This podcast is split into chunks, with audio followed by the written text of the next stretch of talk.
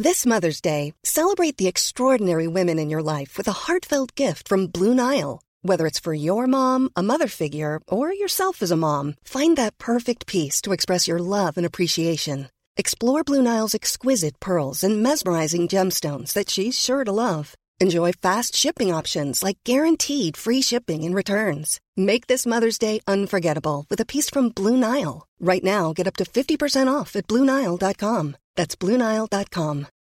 Life is full of what ifs. Some awesome, like what if AI could fold your laundry?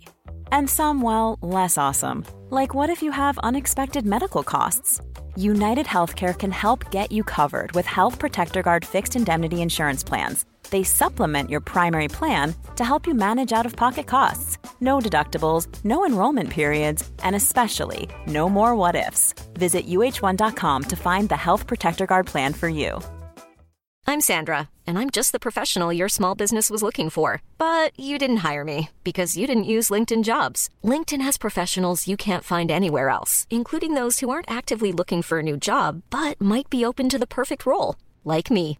In a given month, over 70% of LinkedIn users don't visit other leading job sites. So if you're not looking on LinkedIn, you'll miss out on great candidates like Sandra. Start hiring professionals like a professional. Post your free job on linkedin.com/people today.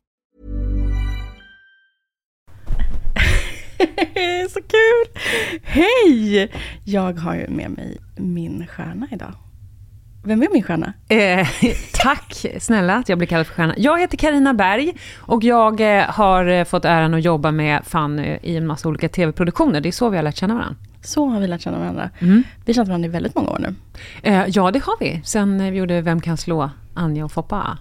Ja. Då, vi hade vi säkert stött på varandra innan, men då lärde vi känna varandra. Och det roliga var att jag sminkade inte ens dig då. Nej. Men vi blev kära i varandra ändå. Det babblas i det där sminkrummet lite eh, över alla. Så det, det, det gick att lära känna varandra ändå.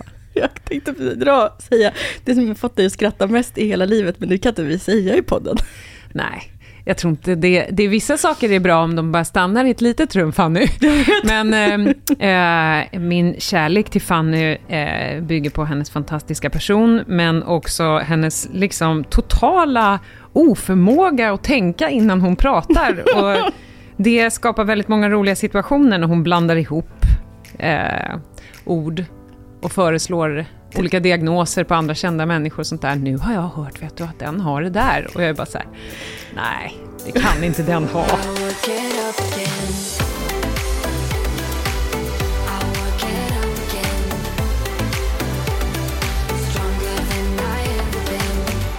Ja, just det, just det, just det. Det var ju viktigt att jag kollade upp det här med rododonet hemma. så att inte rododonet eh, skulle ta koll på familjen. Tack. Vad heter det egentligen då? Radon. Radon, men det var Mm. inte Nej, jättelångt det var ifrån. supernära och man fattade vad du menade. Så det var bara, det var både en fin förmaning av dig, men också eh, väldigt glatt för Sen är det ju kul att Steve Martin bor här borta också.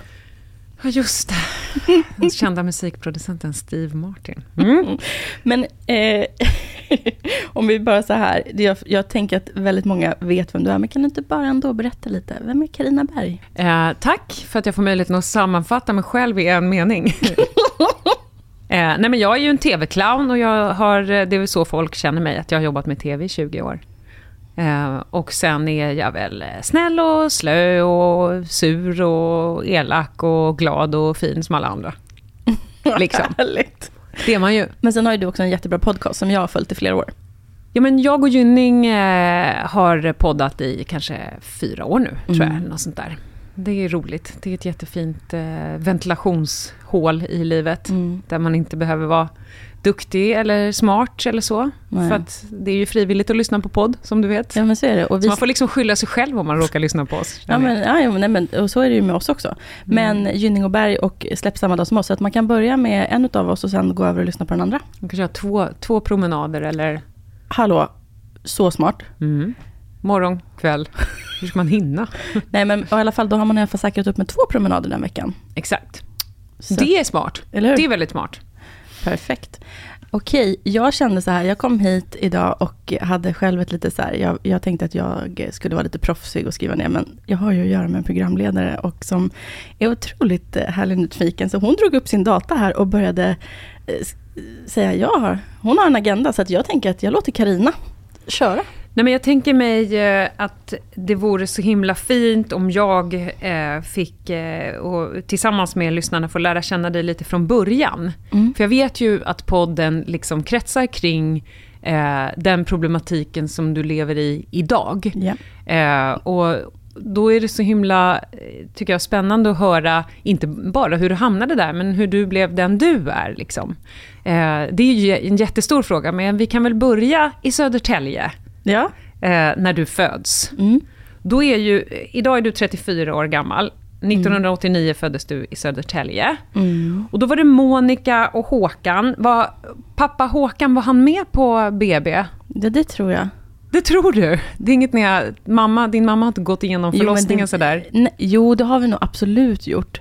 Men jo, jag vet att pappa var där, för att pappa vet jag eh, ringde till min farmor och till mormor och sa nu är hon här. Så att, ja, han var där. Det var pappa som fick eh, break the news. Mm. Mm. Det du vet om din pappa eh, är berättelser om Mm. honom. Han, eh, han gick bort när du var två och ett halvt år gammal. Jag vet inte varför jag blev så känslosam. Ja, men det är inte så konstigt. Väl? Och det är det som har kommit upp flera gånger när vi har pratat om varför den här resan är så viktig för mig. är ju för att pappa dog när han var 33 år. Mm. Han dog ju också utav bukfett och alltså en sorts övervikt liksom som gjorde att hans hjärta inte orkade. Så han dog i hjärtinfarkt. När, när eh, folk berättar om honom för dig, vad får du för bild av vem han var? Åh gud, det har liksom varit... Det har nog varit alltså det absolut roligaste att växa upp i en inom citationstecken småstad. För att alla kände alla och alla visste vem pappa var. Och när man liksom blev äldre och träffade nya kompisar på typ gymnasiet, eller inte ens gymnasiet, på högstadiet och kom hem till någon ny kompis här som var en, liksom en ny familj och så började man prata lite där man var med på middagar liksom och så var det någon pappa som bara Men du, vad hette du i efternamn? Lagervall oh, jag hade en bästa kompis back in the days, han hette Habe Lagervall. Och så när man sa då, ja men det är min pappa. Då blev det liksom, du vet, saker flög från bordet typ så här, är du Habes dotter? Och så hade man ju VIP-tjänst hemma hos dem sen. För att man var Habes dotter. Så det har ju varit otroligt fint. Att liksom så här, hela min uppväxt få träffa människor som visste vem pappa var och som bara tyckte att han var så jävla bra. Och det har också så här, mamma eh, har jag ju ofta så här fått gåshud av saker jag gör och sagt, Gud, du är din pappa nu. Att det liksom Mm. ligger i genetiken. Mm. Jag har ett jättestarkt minne från när vi åkte skidor när jag var yngre och jag kommer ner för backen och höll väl på att flamsa mig lite och hon stod och filmade och kommer ner och hon typ gråter. Jag bara, Mm. vad är det? Hon bara, du såg precis ut som din pappa. Det var som att se din pappa hålla på och flamsa, komma åkandes, liksom hålla på och dona. Att man liksom kan ärva det här, äh, och det säger hon också, typ min, social, min den här sociala sidan och att jag också gärna vill liksom, du vet, äta ute och allt det där. Pappa var alltid ute och käkade. Pappa var alltid social. Alltså han kunde liksom, jag har hört så här från min gudfar när jag var yngre, typ att det var så här, de kunde gå förbi Rish och bara, vänta vi ska bara in och heja på en snubbe här inne. Cornelis Vreeswijk, du vet att det var liksom så här, han var tjenis med alla, även uppe i Stockholm, att han liksom, det var Café Opera, det var liksom hela det gänget, man var ute och festade med alla liksom, och kände alla liksom att man så här, ja, men, en, en, en lika social prick som jag har blivit. Och det känns fint. Vad, vem är det, förutom de här personerna liksom, som du träffar, som är så här, åh, Habes dotter. Vad säger mamma om, om pappa?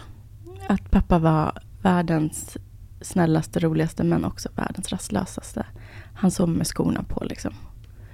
Han var alltid på väg någonstans och de var inte tillsammans när han gick bort. Eh, för att pappa var, som sagt, ja, alltså jag, det blir ju ofta så här, man har pratat om det här så många gånger, men ändå känns det nästan som att man glömmer bort det här som kanske känns tråkigt.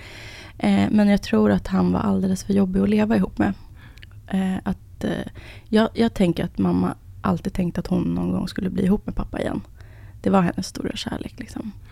Som hon förlorade. Och ehm, då liksom eh, när det var kanske en för strulig person. Och jag har ju gått i samma fotspår när det kommer till dating. Jag kan ju se allt, all mammas dating i mitt bagage nu. att liksom, man väljer de här struliga, onupp... Liksom. Men att han också kom varje dag och käkade frukost med oss och tog mig till dagis. Mm. För det var viktigt för honom att jag liksom var hans absolut viktigaste, viktigaste person i hans liv. På vilket sätt var han strulig? Party.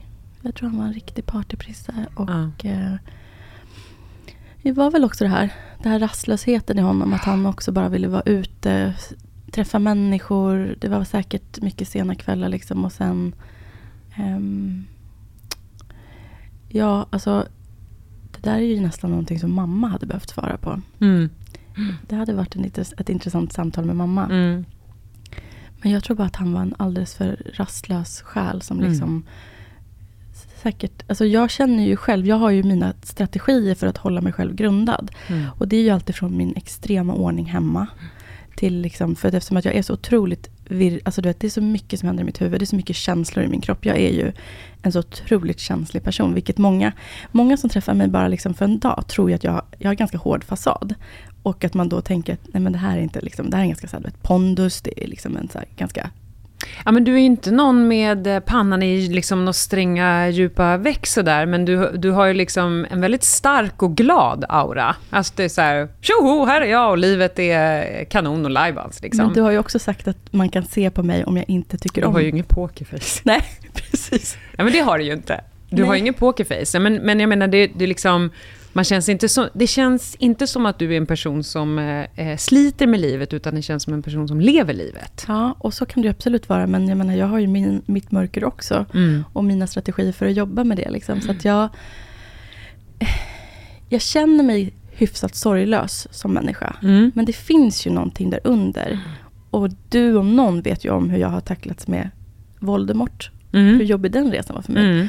Och du hjälpte ju faktiskt mig att hitta terapi. Ja, eller precis. Jag tipsade om en som jag tycker är, är, var kanon. Jo, men jag Jag hade, är så glad att det funkade för dig. Så det är ju toppen. Ja, hon var toppen verkligen. Och jag kommer ju komma tillbaka till henne i livet tror jag igen Ja. också. Men hon fångade upp mig precis när jag behövde i år. I början innan jag ens kom till terms med att jag ville göra den här resan för mig. Ja.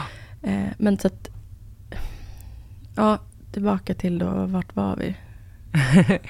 Hos eh, mamma och pappa, tror jag. Ja.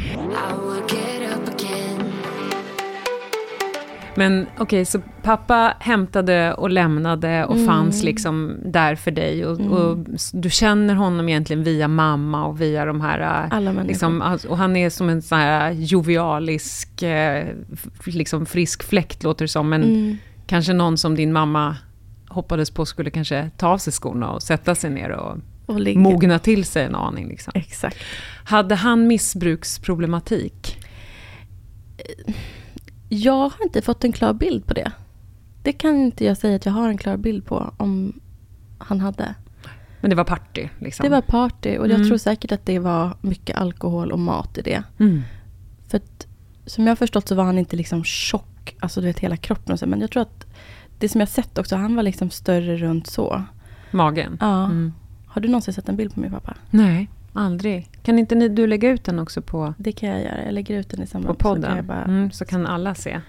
eh, Vad tror du, eh, medan du scrollar där, vad tror du att du har eh, ärvt av honom i form av karaktärsdrag? Och, ja, ni är lika. Nej men gud vilken fin. Den här blir fin. Här är det lilla, lilla Fanny med en blomsterkrans. Och pappa är, sitter bredvid. Så. Mm. Jag är lik honom. Ja, det är det. Ni har samma leende. Och lite ja, utdragna precis. ögon. Ja, verkligen. Nej, men jag lägger ut någonting, absolut, när vi släpper det här. Ja. Eh, vad brukar, vad brukar eh, mamma säga, liksom, förutom den där eh, när du larvade dig i skidbacken? Den brukar, vad brukar hon säga? Min där, humor. Din humor. Mm. Eh, otroligt mycket min humor. Jag och mamma har ju så roligt tillsammans. Alltså det finns ingen, hon säger alltid det, det är ingen som kan få mig att skratta som du. Mm. Vi är verkligen så här otroligt barnsliga tillsammans. Samtidigt som vi kan vara superseriösa och verkligen också så här, du vet, behöva liksom stötta. Men så kan vi, alltså är det två personer som kan liksom slappna av tillsammans och bara, du vet, få sån skratthysteri tillsammans så är det vi. Mm. Så att, eh, och jag tror det är det- därför också jag alltid tyckte det är så kul att få vara rolig. Jag tycker ju om att vara den som underhåller och är lite fräck. Och liksom, det är verkligen en del av min personlighet. Hur tror du att det påverkade dig eh, att han gick bort när du var så liten? Jättemycket. På vilket sätt? Och gud, jag har saknat honom hela livet. Mm. Jag kommer ihåg att... Jag har liksom kommit ihåg att jag suttit i så här situationer när jag var liksom vuxen tonåring och man började dricka alkohol. Och då kunde jag komma på så att jag satte mig själv i ett kök där man hade druckit och blivit lite full. Och det var så efterfest sent på morgonen. Och så kunde jag liksom gå och sätta mig själv i, ett, i någons kök och bara så här, i så här mörkret och bara tänka så här. Tänk om inte han är död egentligen. Tänk om det bara hände någonting som gjorde att han skulle komma tillbaka. Liksom. Jag tror det är därför inte jag dricker så mycket längre heller. Jag är ju nästan nykter. För att jag har aldrig tyckt om att tappa kontrollen. För det är då så mycket tankar kommer också. Blir man själv, jag skulle aldrig klara av att liksom vara en ensamdrickare. Och liksom bli själv med tankar om liksom alltså universum, om livet efter eller människor man saknar. Känns det liksom som att öppnar sig lite svarta hål där då? Mm. Mm. Absolut. Och när, när skulle du säga, för jag tänker mig att du liksom, du var två och ett halvt år. Det är så himla liten flicka. Som din mamma blir ensam med då. Mm. Och hon hade ju sin sorg att ta hand om. Liksom. Så du är på ett, växt, på ett sätt liksom uppväxt i ett hem med sorg. Alltså till en början. Och mycket mm. kärlek mm. förstås och, och, närhet och allt det där. Eh, men hur liksom... Hur har det format din och din mammas relation tror du? Oh, så, så nära. Så nära liksom. Jag tror att mamma och sen mormor är liksom... Mormor har alltid också varit en jättecentral figur i mitt liv. Jag måste bara samla mig lite. Ja, gud. Pra, hur ofta pratar du om, om pappa och sådär? Är han liksom närvarande i samtal? Eller, eller känns det här så här, shit, det här är en av de här... Det här är en ja, av de här påsarna skulle... man öppnar upp. Liksom. Nej, men vet du, jag vet inte om det är för att vi två sätter oss och liksom verkligen så här, vi har liksom, du vet, hörlurar på huvudet. Mm. Vi är så otroligt nära varandra mm. nu. Mm.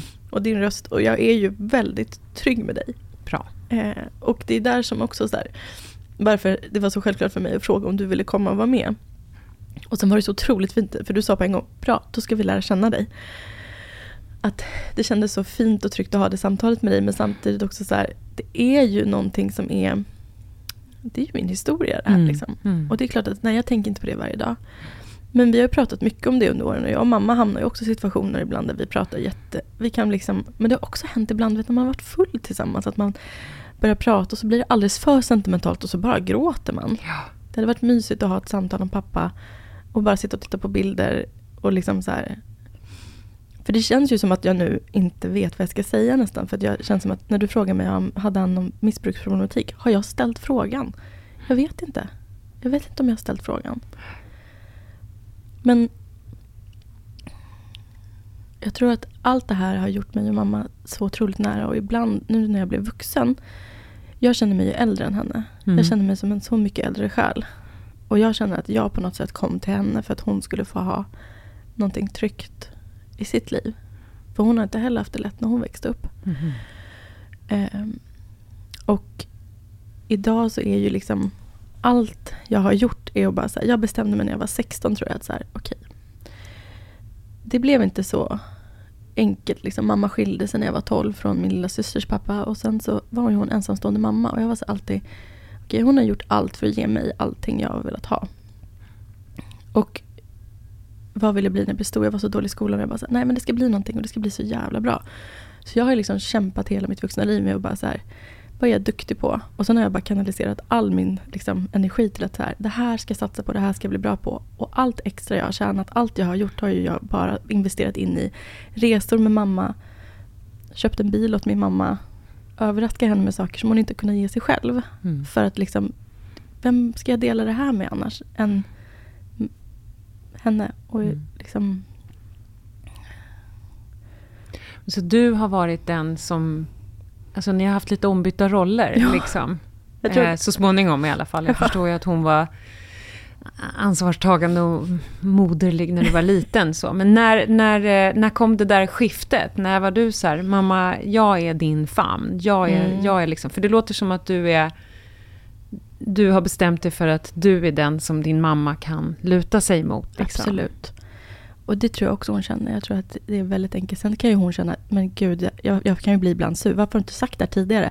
Nej, men jag kan ju inte lägga det här på dig. Mm. Jo, men vem ska du annars prata med dig om? Du kan, jag tror att hon tycker att det är så skönt, men samtidigt så får hon också skuldkänslor för att jag ska ju vara din mamma. Mm. Men jag vet ju att jag kan hjälpa henne och lyfta henne och jag vet ju att jag är klok Mm. och kan guida henne i, i problem och sånt. Mm. Eh, så att det När, kom det här, när kom det här skiftet liksom? Vet du, var du tonåring då eller? Nej, jag var en arg tonåring så att det var inte då. Var du en arg tonåring? Jättearg tonåring. För när din, när din pappa gick bort så var det först du och mamma ett tag. Ja, en liten Och- stund. Ja, just det. Och sen så eh, liksom var det en familjebildning som inte var kanon eh, Mm. efter det. Hon gifte sig med en man. Så att, lika icke-kanon som det var så har jag också valt att bara ta med mig allt det fina. Jag Mm. växte upp ute på landet i Enhörna utanför Södertälje. Mm. Jag hade hästar, jag hade kaniner, jag hade får. Jag hade jättemycket kompisar. Du fick din lilla syster. Jag fick min lilla syster. Mm. Och jag har bara lekt hela min uppväxt. Mm. Jag har lekt utomhus och jag har varit med djur. Och Mm. det har varit liksom, det är det jag tar med mig. Ja, och det som var någonting annat där i, i, i din mammas relation med den här mannen, det är ju deras historia. Så där Mm. behöver vi inte vara inne för mycket. Men, men liksom, Nej. det här du, när du säger att så här, du, du är din mammas trygghet. Liksom, hur, mycket, hur mycket spelade den där perioden in i det, tror du? Liksom att du var så här, här är det jag som kliver in och är stöttepelaren. Alltså, jag sökte mig bort ifrån min familj när jag var liten. Jag har alltid tyckt mig till äldre kvinnor. Och jag tror att det är därför jag har så mycket äldre väninnor idag också. Men alltså när jag, gick- när jag gick i sexan så såg jag till att bli bästa kompis med min vikarie som hade en gård, Helen. Eh, och flyttade ju typ hem till henne. Och fick, hon fixade ju en, min sista häst åt mig. Så jag var alltid med henne. Liksom. Så jag förstår? Jag har alltid liksom tagit mig ut ifrån det jobbiga. Så du har hittat dina trygga punkter. Mm. Liksom, ofta när man är liten så serveras ju de bara åt en. Ja. Och får man dem inte så är man ju på något sätt förlorad där i. Mm. Men du tittade, du, du såg till att skaffa det ändå. Absolut. Så Mm. att jag har alltid sett till att liksom, Jag tror att jag har haft en, ett sätt att kommunicera med vuxna människor som har gjort att folk har velat vara med mig. Så att jag har ju liksom, om det var jobbigt hemma så tog jag ju mig åt andra håll. Mm. Och sen så som jag sa också, mormor är en jättecentral figur i mitt liv. Och vi har ju alltid varit jättenära också. Mm. Så att var det jobb, trist, jag, jag kunde alltid åka till mormor. Mm. Eller liksom, ja, någon av mina vikarier. Ja, vad fint. Du hade en egen vikariepool som du kunde åka hem till. Det är ju fantastiskt. Ja. Vad fint att de eh, såg den här lilla flickan Mm. också. De liksom kanske kände att så här, här behöver jag finnas till. Mm. Det är fint hur man bara så här kan kliva upp för andra. Mm. Utan det. att det liksom är något man måste göra eller något som någon har bett en om ens en gång. Men tänk dig vad charmig jag måste varit då, som bara fick folk att vilja... Otroligt charm. Som bara fick folk att vilja... Jag känner ju själv att jag vill att du ska komma Bo- till mig. bo med mig.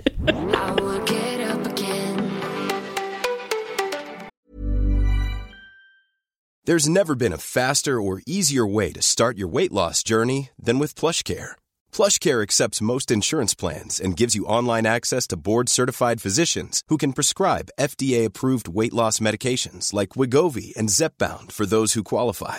Take charge of your health and speak with a board-certified physician about a weight loss plan that's right for you. Get started today at plushcare.com slash weight loss. That's plushcare.com slash weight loss. plushcare.com slash weight loss.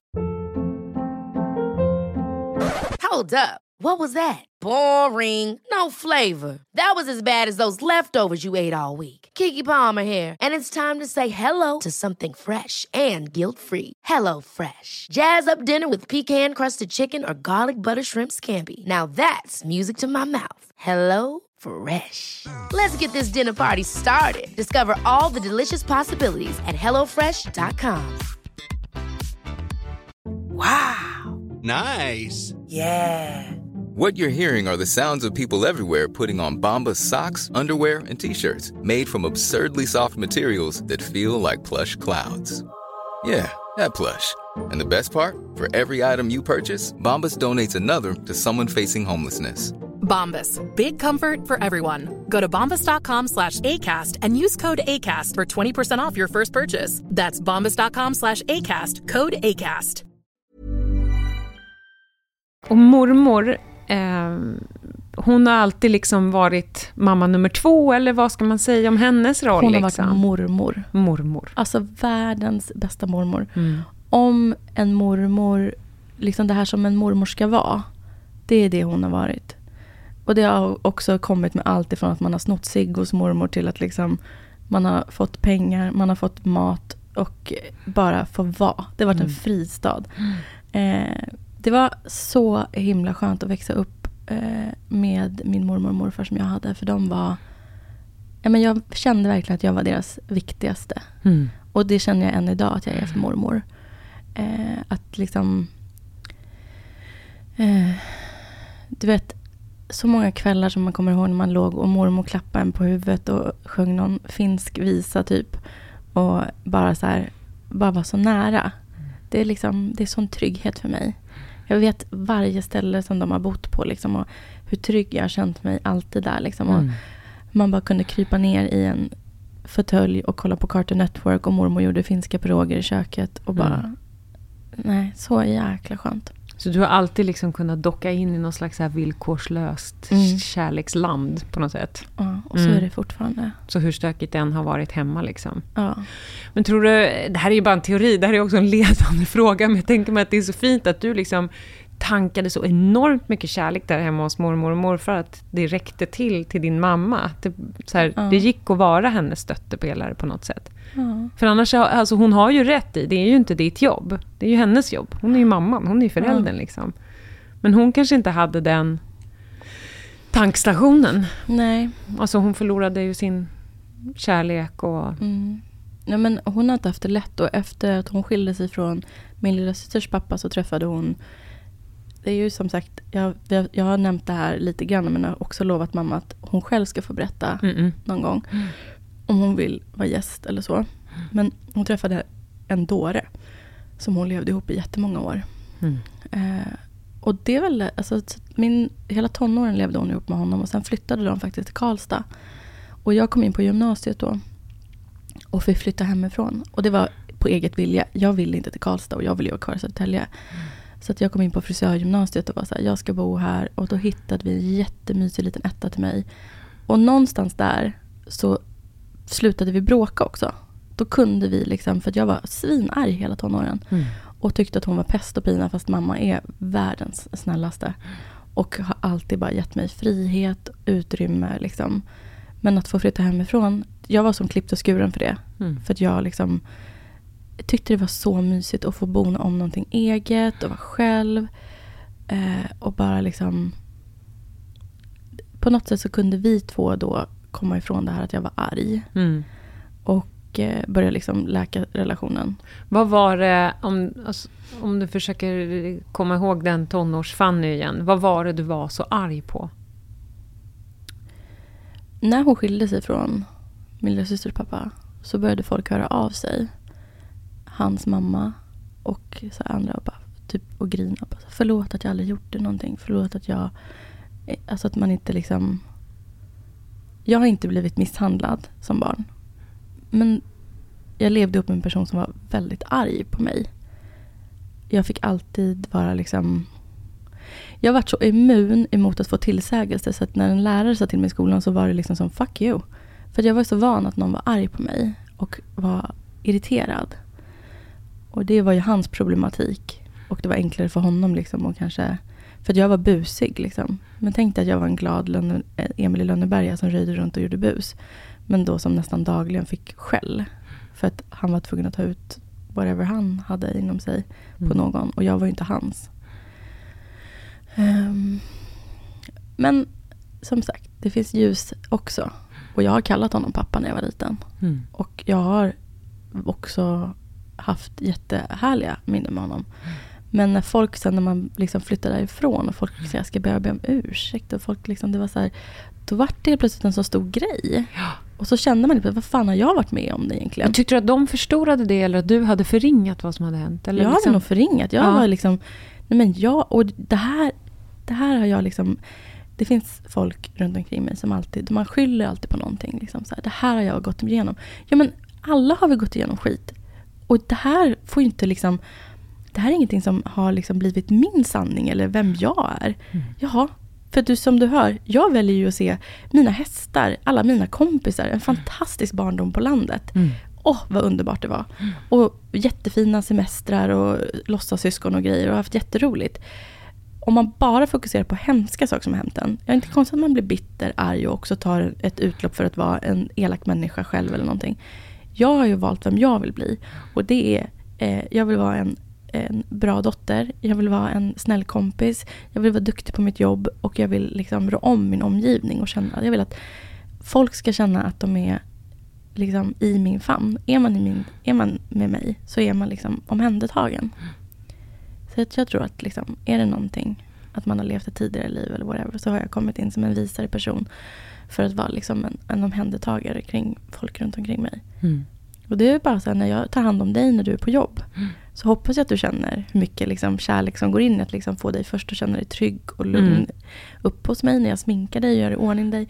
Men sen också med dig och att jag försöker tänka på, gud har du druckit, behöver du någonting extra? Liksom, att man liksom, jag är där och jag har valt att verkligen, jag är så tacksam att du vill jobba med mig Karina. Men jag har också valt dig. Mm. För jag vill vara där för dig. Och jag vill vara en stöttepelare på jobbet för dig. Mm. Nej, men du, är, du, har, du har de sidorna som gör att det är så himla... Alltså nu har vi sagt det några gånger, men att luta sig mot någon. Liksom man, jag har ju jätteroliga vänner som jag känner så här, jag ska aldrig ringa om skiten och deflekten till de här. Men du är ju eh, verkligen en sån eh, person som jag tror får många samtal från människor i nöd eller liksom Mm. både nära och kanske inte eh, jättenära. Mm. Eh, vad, vad skulle du säga, så när, när är det, när är du glad över det och när känner du fan att det är så här? Nej, men jag är jätteglad och stolt över att jag har liksom, att det är det man kan utsända och jag tycker att det inte är jobbigt. Jag tycker att det är fantastiskt att få vara det för vänner och sen har ju jag eh, ett otroligt tryggt nätverk själv. Jag har ju, det är så spännande det där i vänskapskretsen. Man har den här på kompisen som man alltid ringer och den här som man gör det här med och den Mm. som man gör det med. Och jag har ju alltid haft eh, Sofie eh, Wigsten som är min bästa liksom, barndomskompis som är mitt liksom, och hon är mitt garde. Det är hon som får mig att inte köpa ett hus spontant. Och jag höll på att köpa ett hus i helgen. Jaha, Och då ringer du Sofie. för alla andra bara hejar på. Men Jaså? Sofie, när man skickar det till henne, då går hon in och läser protokollet på huset. Mm. Och tittar och är realistisk och säger, Mm. får man ett liksom, milslångt mess tillbaka. Det är jättekul Fanny, det är Mm. görbart. Men du, nu har jag Mm. läst protokollet. Det är så här och så här och så här. Du håller på med den här resan nu Fanny. Jag Mm. tror inte att Turingesjön är där du kommer vilja bo i framtiden. Mm. Det är snarare LA typ. Så att, Mm. kan vi sitta ner lite i båten och så bara tar vi det lite lugnt här nu. Och så bara, okej. För alla andra jag skickar till är bara, ja, bra, Kör! bra pris, kör, Men alla, alltså där är man ju nu med alla, för att man lever genom andra människor just nu. När, när världen håller på att gå under, om någon är på väg att göra något röjigt kul, man bara ja, kör! Nej, men, och, Livsfarligt just nu. Man ska inte be om någon om råd. Nej, jag vet. Men då, då är det ju så, det du, det du skickar ut, det känner du att du absolut får tillbaka. Liksom. Absolut. Är du bra på att sätta gränser?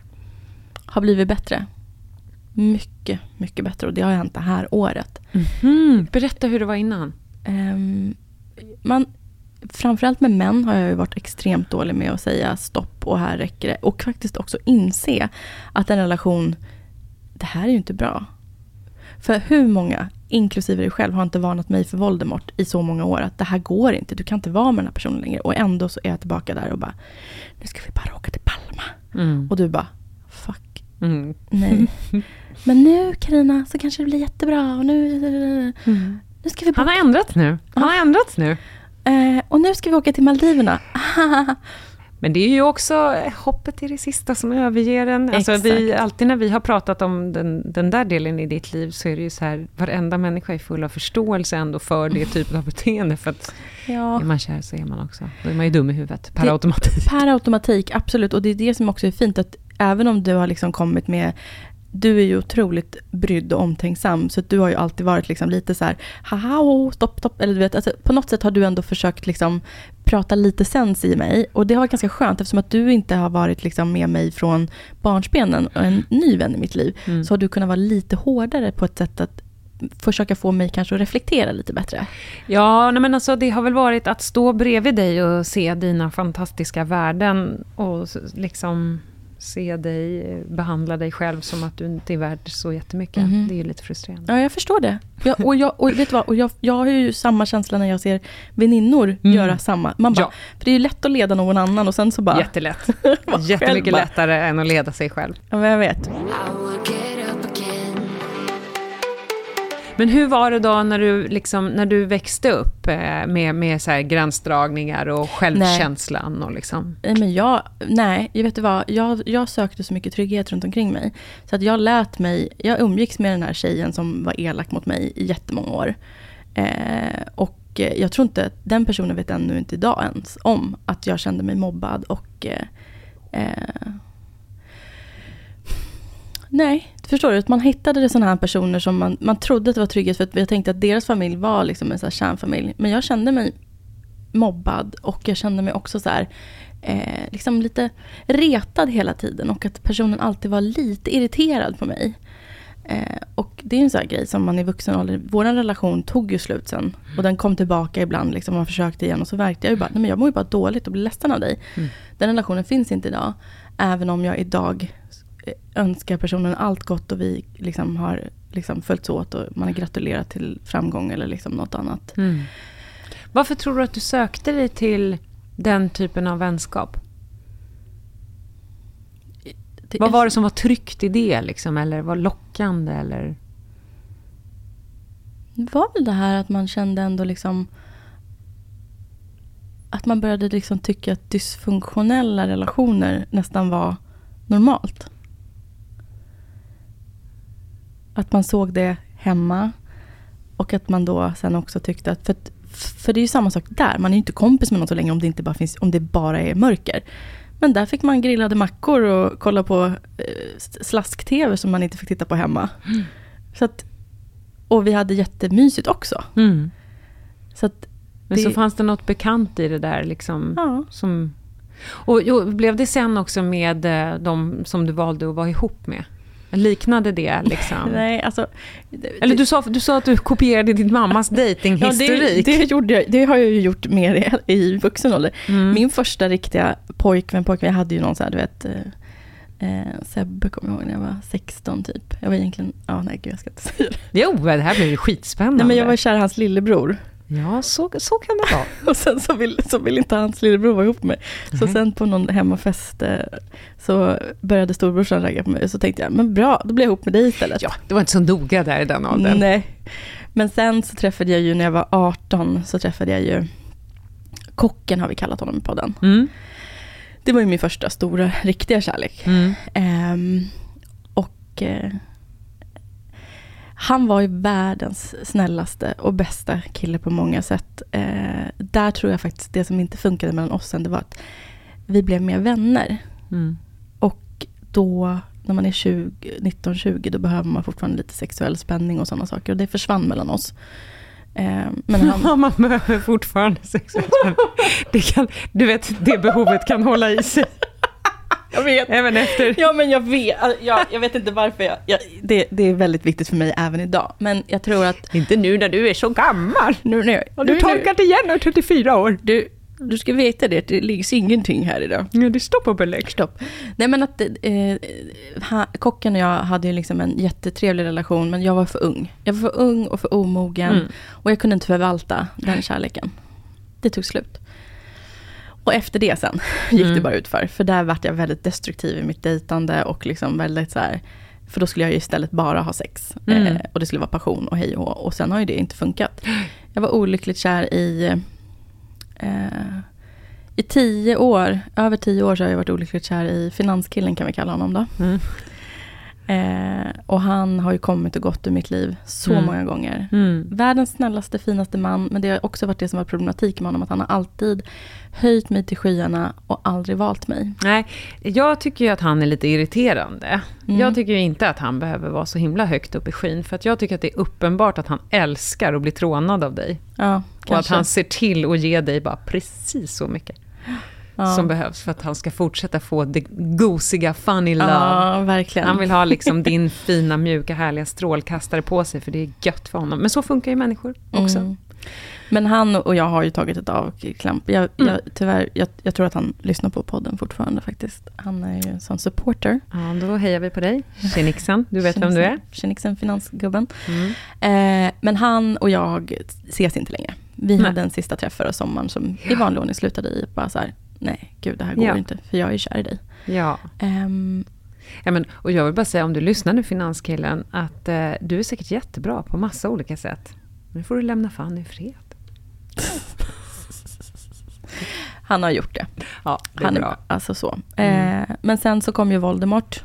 Mm. Och eh, det var ju liksom Då kan man höra lite på namnet.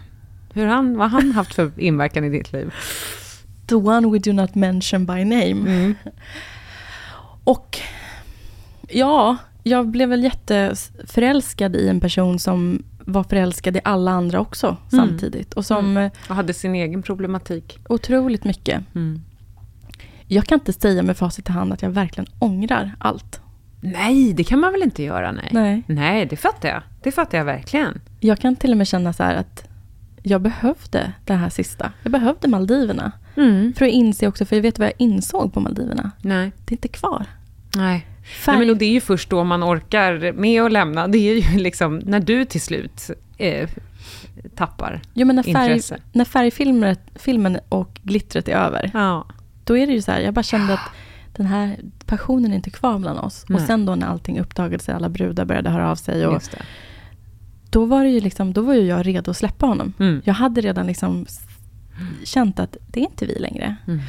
Och jag hade kämpat så många omgångar för att försöka vinna hans kärlek. Mm. Och också det här, okej, men om jag kanske, jag började tänka redan för många år sedan, men om jag kanske blir smal så kanske du kommer tycka om mig. Om Mm. jag kanske blir rikare så kanske du kommer tycka om mig. Om Mm. jag bjuder på mer saker.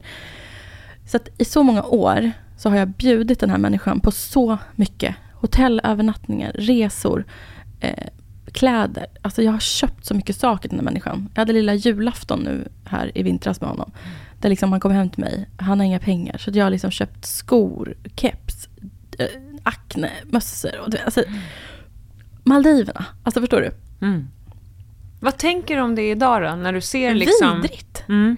Alltså jag, jag, jag känner ett äckel över att jag trodde att jag behövde köpa någons kärlek. Och jag trodde också att jag behövde liksom ändra på mig själv för någon. Men det bästa med skiten som hände i våras med honom, eller där nu i tid i våras, när jag började prata med alla kvinnor som hade blivit blåsta, brända känslomässigt, eh, på olika sätt. Det var ju att alla såg olika ut, alla var olika personer, alla hade olika förutsättningar. Jag bara kände för första gången, det har aldrig handlat om mig. Jag var dum nog att stanna så länge och lirka tillbaka, för att jag har ju varit väldigt drivande i den här relationen. Den hade säkert kunnat sluta, den hade kunnat sluta redan 2019. Men jag trodde att jag älskade honom. Jag trodde att jag skulle försöka fortsätta vinna honom. Så att jag gav inte upp. Eh, men idag så kan jag ju titta på det och bara, what the fuck, det där, vad, vad fan har jag varit med om? Men samtidigt på något sätt så ångrar jag inte resan och läxan. För att jag är en helt annan person nu med Mr Big. Hur, eh, alltså vad tror, du, vad tror du att det är som har gjort att du hamnade där? Att du kände så här, om jag bara är hans liksom privata sparbank här och om jag bara gör det här, om jag bara... Va, va, kan du se någonting liksom i bakåt i tiden som så här... Men det började ju redan med finanskillen. Att jag skulle Ja. försöka vinna hans hjärta. För att vi, vår relation började också på samma sätt. Extrem passion och bara så här, kyssarna liksom, det var verkligen färg, film, glitter och bara sprak. Och jag bara, här är min person. Du vet att jag har aldrig sagt att jag vill ha barn. Eller så. Jag har aldrig längtat efter barn och sådana saker. Men med finansmannen så var det så här, gift dig med mig. du och jag, jag, ger, alltså jag vill ha allt med dig. Jag vill Mm. dela ett liv med dig. Och det har ju gjort så extremt ont att han aldrig valde mig. Vår första period ihop, för över 12 år sedan var det när vi träffades. Då skrev han till mig, när han då sen hade bestämt att han inte kunde ge mig kärlek. Då fick jag ett meddelande på natten, kommer jag ihåg, när han skrev. Det här kanske är mitt livs största misstag. Men jag kan inte ge dig något annat än vänskap. Och sen började ju den här struggeln, för han träffade någon ny tjej, eller han träffade någon annan tjej. Som Och du tog vänskapen, du tänkte bättre det än inte. Inte först. Nej. Men jag har hela tiden, samma sak där. Jag har jobbat och jobbat i Mm. omgångar. Jag har aldrig lyssnat på vad han har sagt. Mm. När han har sagt att han inte är kär i mig. eller Varför inte. har du inte gjort det? För- Varför har du liksom... Jag har trott att jag skulle kunna vinna hans hjärta. För jag visste hur mycket han tyckte om mig. Och jag bara tänkte att om jag bara kan få honom och hitta den här lilla, lilla sparken för mig. Om han bara kan ge mig en chans. Så skulle jag kunna få honom att bli kär i mig. Så jag tror mycket av min smärta. Jag har sagt det här många gånger till vänner att jag är en så otroligt sorglös människa på många sätt. Men min smärta i livet har varit att jag inte har fått den kärleken som jag har velat ha. Att jag har valt helt fel killar som inte har varit tillgängliga för mig. Och du har inte blivit vald. Jag har inte blivit vald. Så det har varit otroligt tufft att liksom vara så kär. Och även när jag träffade Voldemort så var jag ju alltid kär i finanskillen fortfarande också. Mm. Och han fanns alltid där lite grann och han har alltid varit så otroligt så här, Han har aldrig någonsin liksom så här Fuck you, vi ska aldrig mer höras liksom. Mm. Utan han har nog på riktigt velat försöka ha en vänskap med mig. Ja, för att han tyckte om dig. Ja, Alltså, för att... och vi har försökt flera gånger om men det är liksom Mm. här, Min agenda har alltid varit att så här, snälla, kan du inte bara ge mig en chans? Kan inte du bara älska mig? Och hur liksom... Jag tänker mig det här med att man väljer någon som inte väljer en själv. Att det, det skulle kunna vara liksom så fruktansvärd eh, slump förstås. Att man råkar bli kär i någon som inte är kär i en själv. Men det kan ju också vara ett mönster. Att man så konsekvent väljer Ja. den som inte väljer en själv. Ja men till slut för att jag liksom försöker skydda mig själv. För att jag tänker att så här. Alltså säga vad man vill så var ju Voldemort liksom ett skydd också för mig. Att liksom, jag visste, jag har alltid vetat att det inte skulle bli vi. Jag har alltid vetat vilken problematik den här karln har haft och att liksom inte vi två skulle kunna få ihop Mm. ett tryggt, en trygg relation.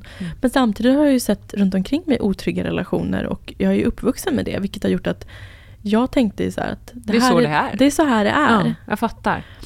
Och, Det, dra- det fattar jag verkligen.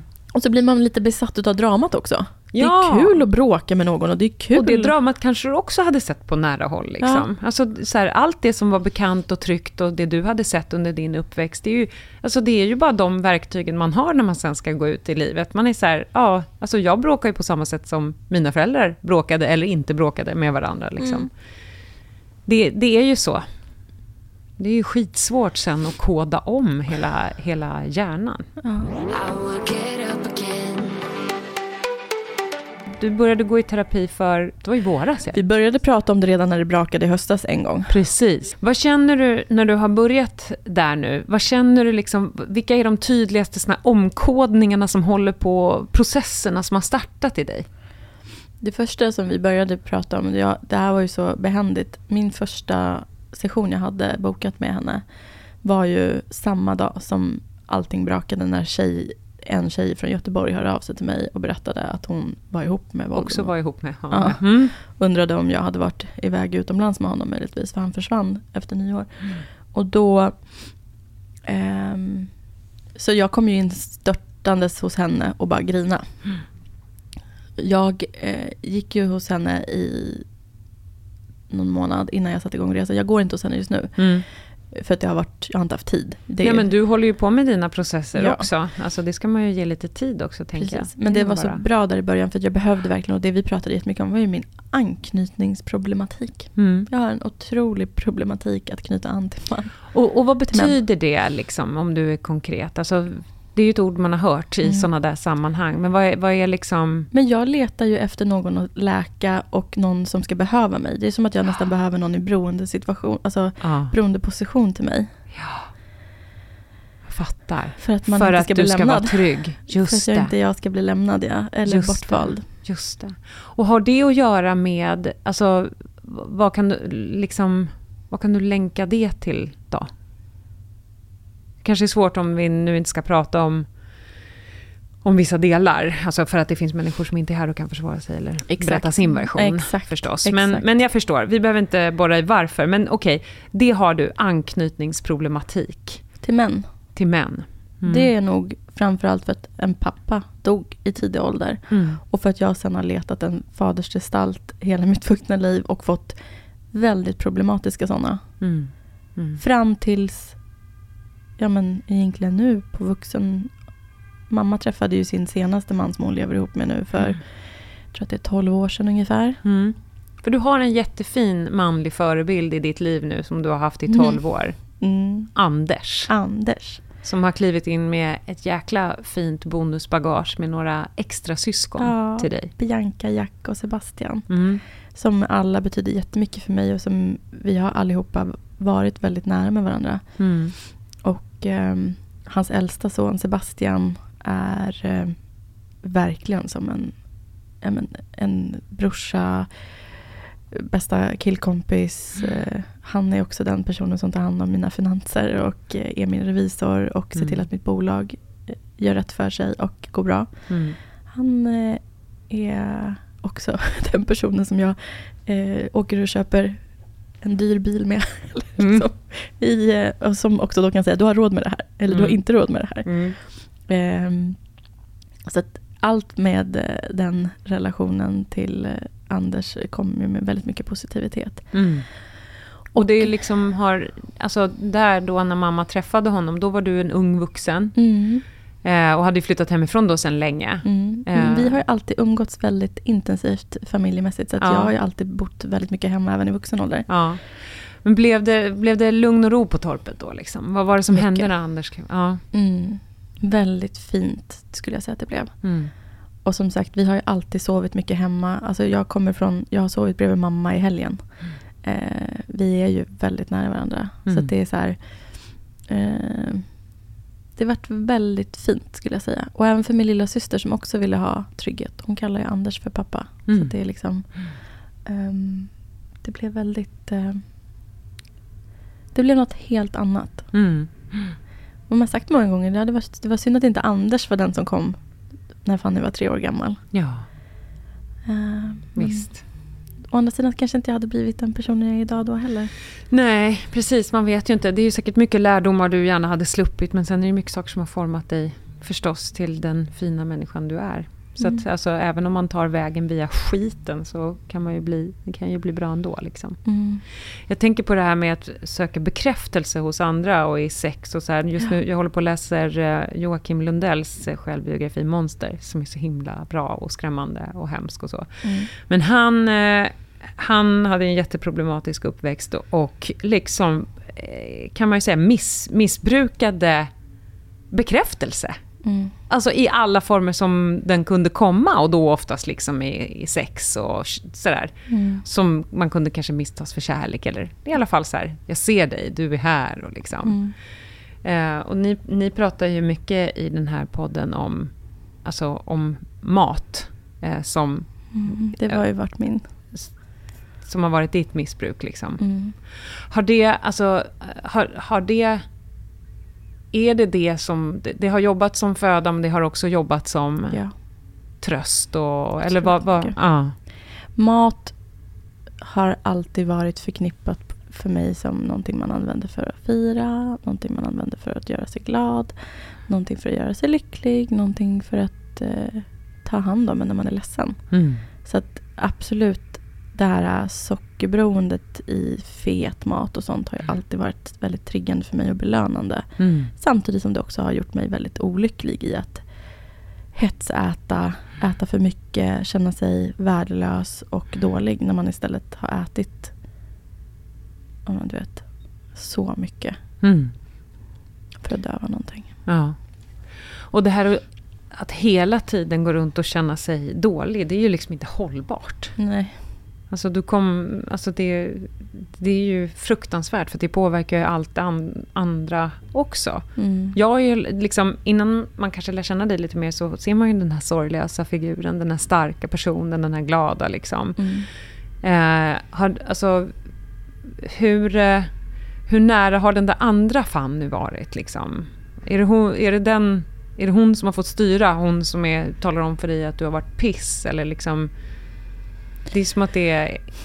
Alltså, jag förstår att båda är, du såklart. Du är inte... Nej. inte Nej, man har nog mer sidor av sig själv, tänker jag, som är med under dagen. Men jag tror att det är den självsäkra eh, som eh, den självsäkra personen som eh, styr mig.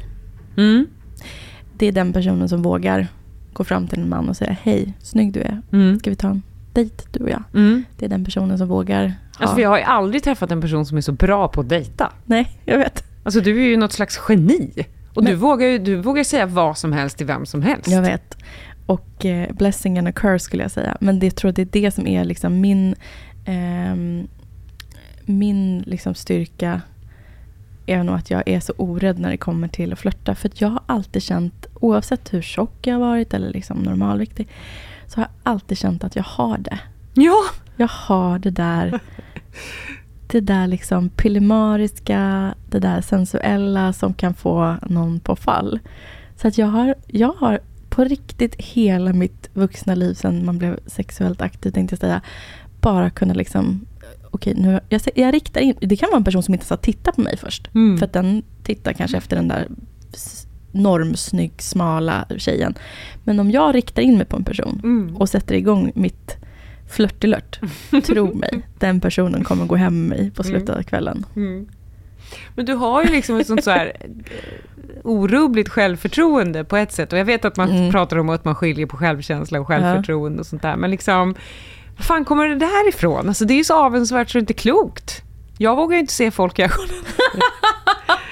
berätta, berätta snälla. Nej men var kommer det ifrån? Om vi nu pratar om liksom dig och lilla Fanny och så här, För du har beskrivit liksom en så ganska kavat eh, tjej och du, är så här, du vågar bråka och du vågar käfta och du liksom tar, väljer det roliga i livet och så här, liksom, var, var kommer den där kraften då, den där positiva kraften ifrån? En livsglädje. Alltid haft otroligt enorm glädje till livet, till allt det härliga. Och det är därför jag också bjuder någon på en utlandsresa för 140 000. För att jag bara, följ med mig, nu ska vi älska, nu ska vi bada, nu ska vi ha kul, nu ska vi äta gott. Vi ser världen ihop. Det är därför jag älskar att så här, överraska mamma och dra till New York med henne. Alltså jag, vill bara, jag vill bara leva här och nu. Och det är därför jag inte sitter och häckar på pengar på banken heller. Utan pengar, pengar ska in, pengar ska ut. Nu har vi roligt, eh, tuta och tjut. Mm. Eh, jag, Men, men var kommer vinden ifrån? Vinden i seglen? positivitet. Nej, men jag tänker verkligen på law of attraction. Mm. Jag trycker verkligen, det du sänder ut får du tillbaka. Och jag Mm. har bara bestämt mig jättetidigt ju. Det här har jag med mig. Jag bestämde mig så jävla tidigt när jag märkte att jag var dålig i skolan och folk typ trodde att jag gick ur högstadiet med noll poäng. Jag kom inte in på gymnasiet. Mm. Men jag fick en chans att gå frisörgymnasiet för att efter ett år på den här individuella där man måste försöka plugga upp betygen.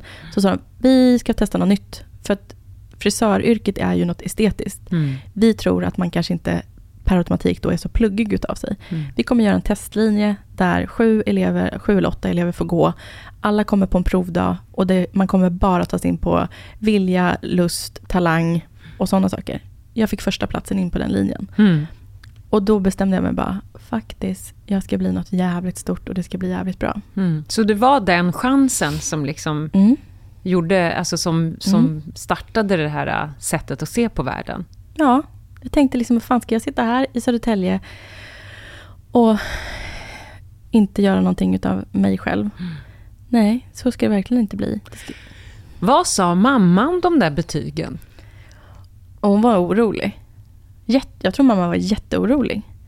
Det var ju alla vuxna runt omkring mig att liksom, uh, haha, 90 poäng ut från, från högstadiet. Var, du kommer inte in någonstans med 90 poäng. Jag hade MVG i musik, bild och hemkunskap. IG i typ allt annat. Mm. Sen undrar folk varför jag särskriver och varför jag eh, liksom...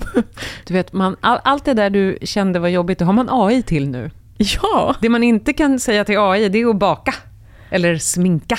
exakt. Eller göra någon, göra någon jävligt lycklig. Nej, exakt. Det kan blev, du. Ja, exakt. Jag blev estet. Jag Mm. är estetiskt lagd, jag älskar att måla och konst. Och du vet ju, för mig är ju sminka någon, det är ju, jag målar ju ett konstverk. När jag får din canvas framför mig, liksom, ditt osminkade ansikte, så ser jag bara, här ska jag forma, här ska jag lyfta. Mm. Alltså, vet, jag bara liksom, jag målar på ett konstverk. Mm. Det estetiska var det som var lite förlösande för dig då. Men ni- har, eh, har mormor och mamma den här eh, kämparglöden, eller har Ja. du hittat den? Ja, det har de också. Mormor säger alltid finska sisu. Jag tänkte det. Att vi kunde väl få ha lite finskt sisu här. Vi har lite finsk sisu. Min mormor är nog den absolut starkaste kämpande kvinnan som finns. Mm. Mormor blev förtidspensionär för hon slet ut ryggen på Saab automobil i Södertälje när hon var ung. Mm. Och har opererat ryggen enormt många gånger till den punkt att det inte går att operera längre. Och hon lider av eh, konstant smärta. Mm. Eh, så mormor har också fått MS. Och eh, eh, världens bästa människa har alltid ont. Men visar knappt det utåt. Först Mm. är det riktigt jävla jobbigt. Och eh, hon, eh, morfar är tyvärr dement. Och bor inte med mormor längre. Men för många år sedan så fick mormor och morfar en hund utav mig, Charlie, som är mormors bästa kompis och älskling. Så jag är så glad att de har varandra. Mm. Och vi alla umgås väldigt mycket med mormor. Men hon är verkligen en jävla kämpe och hon säger alltid det, det här har du fått från mig. Mm. Vad fint! Mm. Det är så fint när folk runt omkring en vill, vill credda sig. Det känner jag själv att jag börjar göra med min 13-åring. Det är typiskt mig, det där har jag fått från mig. Allt som är bäst Ja, jag vill man sno. Men mormor får, det, det, Det är väldigt vad? kärleksfullt. Det är väldigt kärleksfullt och det tycker jag verkligen att mormor kan. mormor Unna kan få, sig. Ja, det kan hon unna sig. Att hon Mm. och jag... Nej, men mormor är en bästa kompis också. Mm. Så att det är en otroligt stark kvinna som alltid har kämpat och aldrig visat utåt hur tufft det verkligen är. Eh, och kommer ju också från den generationen att eh, hon kanske hade behövt också.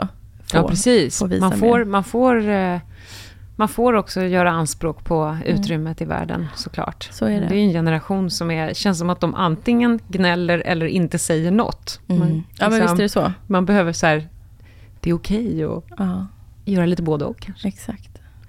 Okej, jag, vi tror, jag, tror in, jag vet inte hur mycket vi hinner. Vi skulle ju absolut kunna sitta här i 15 timmar, eh, men det får bli en annan följetong i sådana Mm. fall. Men jag tänkte fråga dig vad, vad du känner att du kommer... Vad är liksom det viktigaste jobbet som du ska göra med dig själv? Jag vet ju att du har hela projektet här nu. Hela anledningen till att vi sitter här är ju liksom ett enormt projekt och en jätteprocess. Men för dig som människa, person, så här, vad, vad ska du bli bättre på? Vad kommer du behöva jobba med liksom? För att du ska bara älska alla delar av dig själv. Det är just det. Det jag jobbar absolut mest på är att verkligen älska och tycka om mig själv. Att bli centrerad i ett lugn i mig.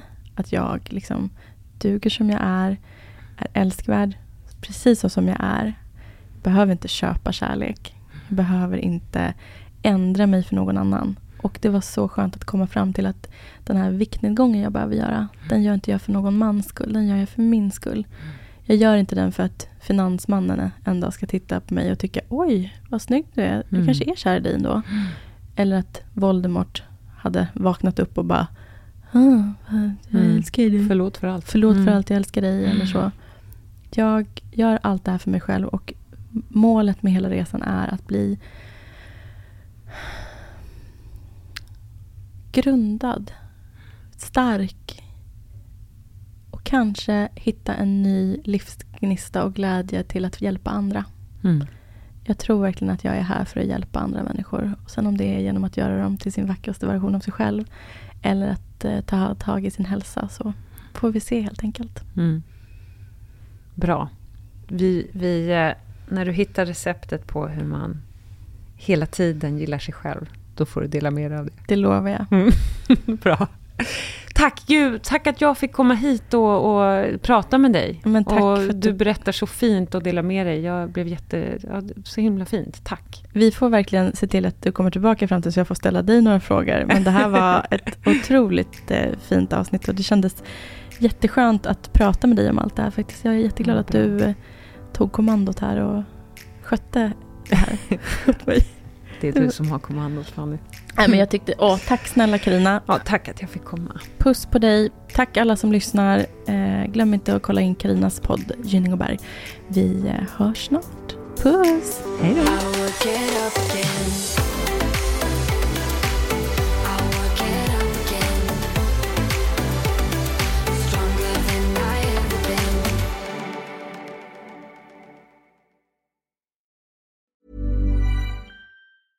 Ever catch yourself eating the same flavorless dinner three days in a row? Dreaming of something better? Well, HelloFresh is your guilt-free dream come true, baby. It's me, Kiki Palmer. Let's wake up those taste buds with hot, juicy pecan-crusted chicken or garlic butter shrimp scampi. Mm. Hello Fresh. Stop dreaming of all the delicious possibilities and dig in at HelloFresh.com. Let's get this dinner party started. Even when we're on a budget, we still deserve nice things. Quince is a place to scoop up stunning high-end goods for 50 to 80% less than similar brands. They have buttery soft cashmere sweaters starting at $50, luxurious Italian leather bags, and so much more. Plus, Quince only works with factories that use safe, ethical, and responsible manufacturing. Get the high-end goods you'll love without the high price tag with Quince. Go to quince.com slash style for free shipping and 365-day returns. Mom deserves the best, and there's no better place to shop for Mother's Day than Whole Foods Market. They're your destination for unbeatable savings, from premium gifts to show-stopping flowers and irresistible desserts. Start by saving 33% with Prime on all body care and candles. Then get a 15-stem bunch of tulips for just $9.99 each with Prime. Round out Mom's menu with festive rosé, irresistible berry chantilly cake, and more special treats. Come celebrate Mother's Day at Whole Foods Market